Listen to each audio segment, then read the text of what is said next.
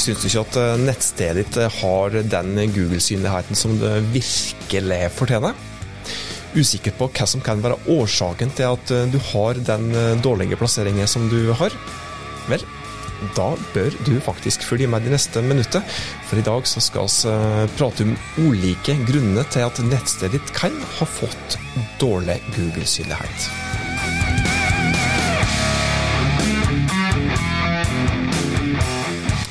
Hei, hjertelig velkommen til Hauspodden. Podkasten fra fagfolket i Haus, som i dag skal hjelpe deg først og fremst, hvis du skal prate detaljert om det, med Google-synlighet. For Google-synlighet er jo veldig, veldig viktig.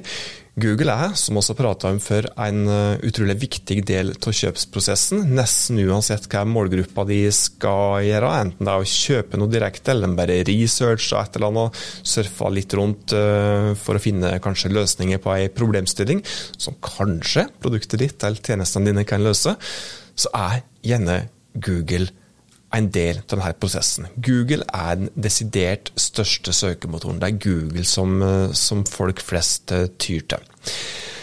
Og Da er det jo forretningskritisk da, å ha god Google-synlighet. Eh, så dette her er jo da en episode som meg kan hjelpe deg å nå disse her største målet, som da i alle fall er å holde bedriften din, organisasjonen din, eh, over eh, vann. Holde det økonomisk flytende. Og i beste fall kanskje dette her òg kan hjelpe deg til å få enda bedre økonomisk resultat.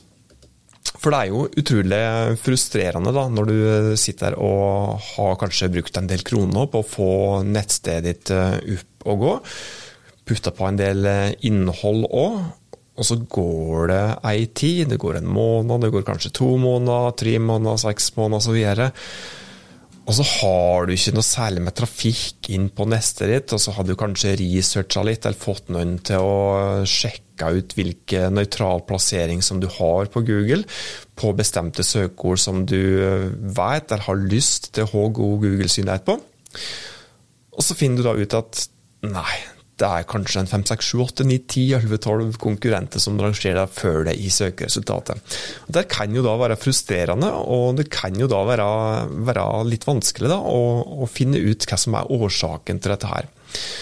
Så det er jo det som eh, du skal få tips til i dag, og skal, og skal prate om eh, hva som kan være årsaken til, til at du ikke har den Google-synligheten som du eh, vil ha. Og de årsakene kan du òg fungere som eh, ja, for å danne et bedre bilde, og rett og slett komme opp med noen gode tips. Eh, kanskje noen arbeidsmetoder, konkrete ting som du kan gjøre da, for å få bedre Google-synlighet. Når jeg prater om Google-synlighet, så prates egentlig om to ting som du kan få bedre synlighet på. Det er såkalt organisk synlighet, og det er betalt synlighet. Betalt synlighet er da den synligheten som du kan få ved å betale, kjøpe det annonseplass i søkeresultatet. Og det er ikke det som vi skal prate om i dag. I dag så skal vi prate om den organiske synligheten, den synligheten som er gratis, den synligheten som du må gjøre det fortjent for å få på Google.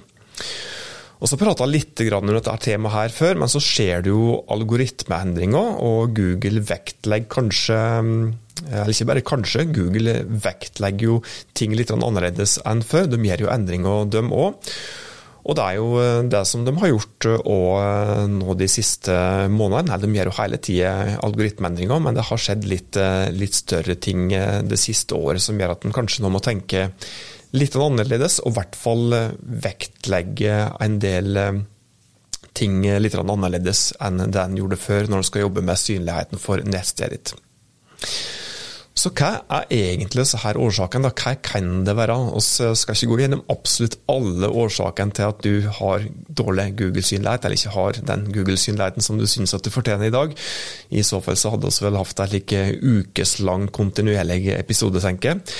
Men en av de første grunnene er at du rett og slett ikke har gjort et bra nok grunnarbeid. Og grunnarbeid det kan handle om eh, ganske så mye ting. F.eks. at du ikke har gjort en reell søkeordanalyse. Denne her evinnelige søkeordanalysen har vi jo prata om gjentatte ganger i Hauspodden, eh, men en søkeordanalyse er jo det arbeidet, eller den analysen du, som du gjør for å finne ut hvilke ord og hvilke uttrykk er det målgruppa di bruker når de søker på nett, enten etter ditt produkt eller etter tjenestene dine, eller etter eh, ja, et svar på en problemstilling, en løsning på et problem som produktene dine eller tjenestene dine kan løse. Og så er det enkelte som tenker som så at ja, den søkeranalysen den, den, greier jeg fint uh, å fikse sjøl, for jeg vet jo, eller har jo lyst til å bli synlig på det ordet og på det ordet og det ordet. Og det kan jo være greit å ha en slik viss formening om hvilke ord som du har lyst til å være synlig på. Eh, men det er ikke nødvendigvis de ordene og de uttrykket som målgruppa di faktisk bruker. Da. Og Derfor så må du gjøre en såkalt reell søkeranalyse, der du ikke baserer det på antagelse, men reelle tall, en reell analyse. Jeg var faktisk borti dette her for, eh, for, ikke så mange dagene siden, der jeg ble eh, kontakta av en kunde som, som, egentlig hadde fått i hvert fall ei oppstartsanalyse. Da men som eh, egentlig syns det at eh, det var litt eh, Jeg husker ikke helt uttrykket som ble brukt, men at det var, at det var litt tøffere å, å, bli synlig på de ordet og de ordet og de ordet.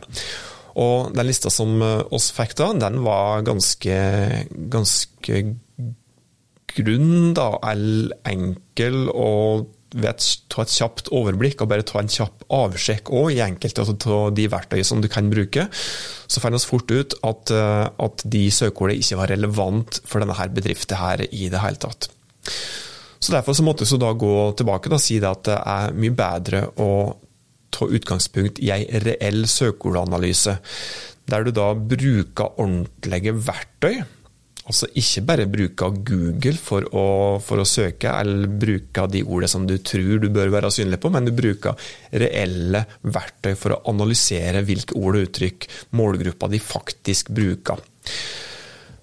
For Det finnes da ulike verktøy du kan bruke, og det er kanskje episoder som vi kunne ta for oss eh, litt senere, men det viktigste her er at du da igjen purra på dette her, altså. Eh, at du da bruker ei reell søkeordanalyse for å finne ut hvilke ord og uttrykk er det målgruppa de faktisk bruker. det. For bommer du på dette her, så er mye av det arbeidet som du gjør senere i prosessen med nettstedet ditt, eh, i beste feil, bare litt slik det er ja, litt å kaste en og annen tusenlappen ut av vinduet. Eh, I verste fall så er det fullstendig bortkasta, og det fører faktisk eh, til at du får mindre trafikk inn på nestet ditt fra målgruppa di. Og har du mindre trafikk, så kan det òg føre til at du får færre kunder. Og har du færre kunder, så kan det føre til at bedrifter rett og slett går, eh, går dukken. Og Søkeranalyse den danner jo grunnlaget for, eh, for, fryktelig mye på neste ritt. Den danner grunnlaget for nettsidestrukturen, eh, hvordan du skal bygge opp nettstedet ditt, hvordan du skal prioritere innholdet og innholdselementet, altså hvor ting skal plasseres. Så dette her er, er viktig. En annen grunn til at du ikke har eh, den synligheten som du kanskje synes at du fortjener, er at du ikke har prioritert hvilke søkeord som du bør være synlig på. Fordi at Når du gjør en søkeordanalyse, så kan det godt hende at du ender opp med ei ganske lang liste. Og det er ganske vanskelig å rangere på ekstremt mange søkeord, så du må gjøre noen prioriteringer etter at du har gjort en analyse der, og vekte dem litt utover eh, ulike deler av nettstedet ditt. En annen grunn til at du ikke har god nok eh, Google-synlighet, er at eh, du ikke har eh, godt nok innhold som ikke er godt nok søkemotoroptimalisert. Dette handler om utrolig mye. altså Dette med innholdsoptimalisering altså søkemotoroptimalisert innhold, det er et ganske stort tema, et stort fag som er relativt kompleks. For det er ikke nok å putte inn søkeordene dine i ei tekst og regne med at du rangerer godt uh, umiddelbart. Uh, det kan faktisk være ganske skummelt, for hvis du bruker feil arbeidsmetodikk her, så kan du faktisk ende opp med å bli straffa av Google og få enten midlertidig eller permanent dårligere plassering. Så dette her er ekstremt viktig, at du bruker denne innholdsoptimaliseringen, gjør den på en, eh, på en korrekt måte. En annen grunn til at du ikke har god nok uh, synlighet, er at du ikke har godt nok eh, teknisk optimalisert eh, nettsida di, eller nettstedet ditt. Og dette handler om fryktelig mye. Eh, da naturlig nok tekniske ting. Da. Det kan handle om hvordan ting er koda, at ting er rent koda, at du har at f.eks. overskriftene dine er koda korrekt, at du har en riktig tittelstruktur osv. Dette er òg ja, egentlig et stort uh, tema som blir litt likt der, uh, som vi ikke kan gå altfor dypt i, i hvert fall i en slik enkeltepisode som dette her, der vi skal prate litt bredt. Uh, men slik beste tips da, for å, for å i hvert fall ha et godt grunnlag her, at ting er godt teknisk søkemotoroptimalisert, er at du er litt forsiktig med å bruke ja, For det første er jeg litt kritisk til valg av såkalt CMS, valg av publiseringsløsning for nettstedet ditt at du kanskje ikke bruker dem som ser enklest ut, og i alle fall er kritisk til dem som lokker med gratis nettside eller superbillig nettside. For det er som regel en liten en nedside med de løsningene der. Det er òg en god del ferdige løsninger, ferdige CMS eller ferdige designmaler. da, som du kan få utrolig billig, eller ofte òg gratis. Som da er utrolig dårlig teknisk eh, optimalisert annen grunn til at du kan ha mista Google-synlighet, er at du ikke har tenkt godt nok på målgruppa di når du etablerte nettstedet, og når du har jobba med optimalisering av nettsida di.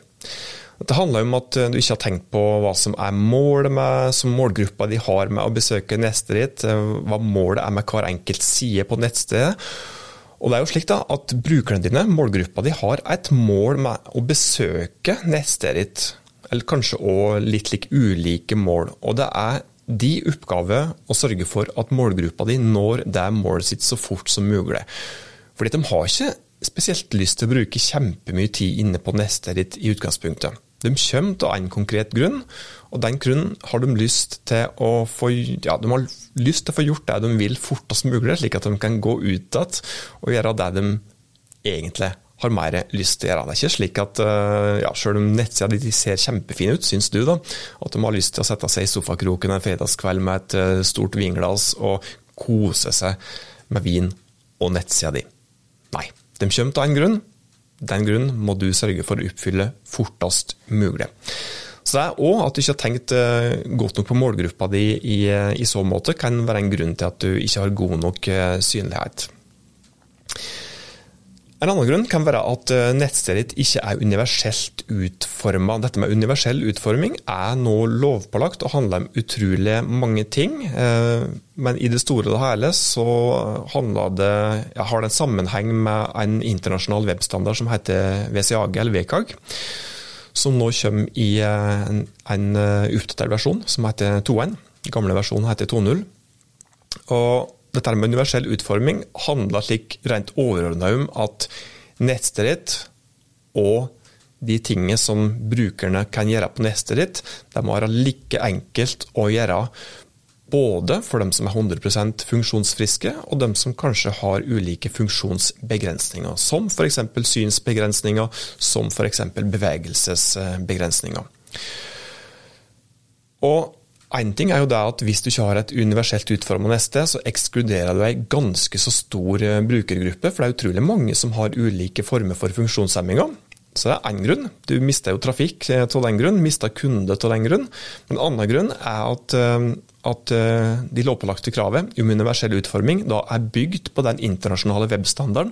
Og den internasjonale webstandarden igjen, det er noe som Google vektlegger ganske så mye når Google skal bestemme hvilke nettsteder som skal rangere høyt, og hvilke nettsteder som skal rangere lavt på, på søkeresultatet.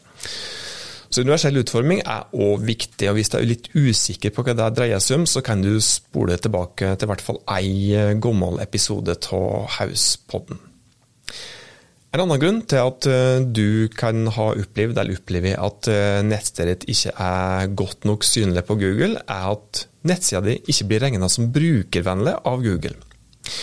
Bruker, bruker eh, Google regna En av de nyeste store algoritmeendringene på, på, Google er jo dette her med brukervennlighet. At Google eh, premierer såkalt brukervennlige nettsider ved å gi dem bedre synlighet. Og Det som Google regner som, som brukervennlige nettsider, det handler om ganske så mange ting. Google bruker mange signal i så måte. F.eks. så ser Google på hvordan brukeren oppfører seg når han eller hun besøker nestet ditt. Hvor lang tid tar det f.eks. fra en person klikker på en knapp eller en link eller andre element til det faktisk skjer noe. Lastetida har òg ekstremt mye å si. Dette med lastetid og vi prate prata mye om, for den er ekstremt viktig for Google-synligheten din. Jo tregere nettstedet ditt er, jo tregere ulike sider på neste ritt er, jo dårligere synlighet får du. Andre grunn kan jo være at eh, konkurrenten din rett og slett har jobba mye bedre med søkemotoroptimalisering enn det. Jobba mye mer og jevnere og mer bevisst og strategisk med synligheten sin. Så det òg kan være en grunn til at du har dårligere plassering enn konkurrenten. Så kan jo det er at Google har gjort noen algoritmeendringer òg være en grunn til at du har, eh, ikke har helt optimal eh, synlighet.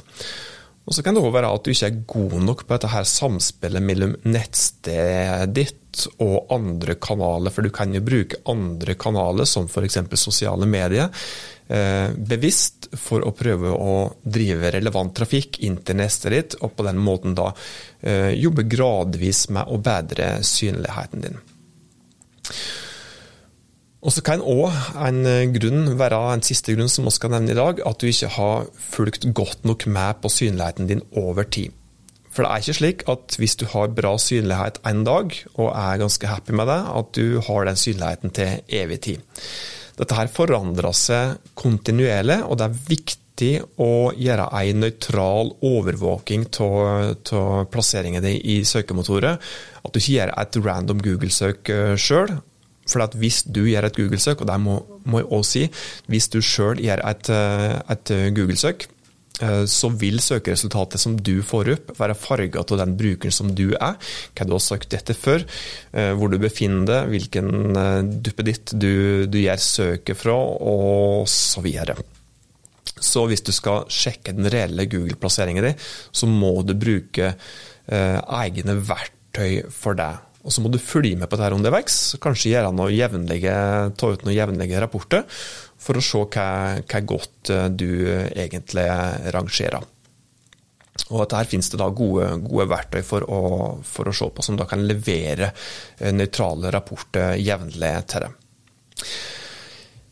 Ja, eh, oss er ved veis ende ved dagens episode nå. Jeg vil bare si det at hvis du har lyst på en helt gratis rapport som sier noe om hvilke ord og uttrykk som du rangerer på i Google sine topp 100-resultat per i dag, så er det bare å sende oss ei eh, melding, f.eks. på Instagram. Send oss en DM der. Så skal du få en faktisk helt nøytral rapport som viser den reelle Google-plasseringen din i Google sine topp 100-resultat. Altså Du får en gratis rapport som da forteller hvor godt synlig du er per i dag på ulike ord og uttrykk. Da er det på tide med ukas eh, framsnakk. Ukas framsnakk i dag går til opplæringskjøkkenet Brimi kjøkken, som da er et lite opplæringskontor, som da eh, jobber knallhardt med å løfte fram eh, kokkefaget, restaurantfaget, servitørfaget, reiselivsfaget. Folk som jobber med å serve oss, som er sugne på gode, gode matopplevelser, f.eks. Og kokkefaget er ekstremt viktig. Rekrutteringen der har jo da vist seg at det ikke nødvendigvis er så lett som i mange andre bransjer. så Derfor er det viktig å, mener oss, å, å framsnakke dem som jobber med å rekruttere alle disse her fantastisk bra folket som skal levere gode matopplevelser til oss eh, framover. Så et eh, digitalt klapp på skuldre til, til Brimi-kjøkkenet, det er opplæringskontoret Brimi kjøkken. Det var det som vi hadde å by på i dagens episode av Hauspodden. Hvis du tykte at eh, de tipsene som vi hadde å komme med i dag var nyttige, så blir vi eh, glade hvis du sprer det glade budskap og tipsene den andre at det finnes noe som heter Hauspodden, som hjelper organisasjoner med å nå de målene som de har satt seg. Inntil oss høres neste gang, ta godt vare på det og dine.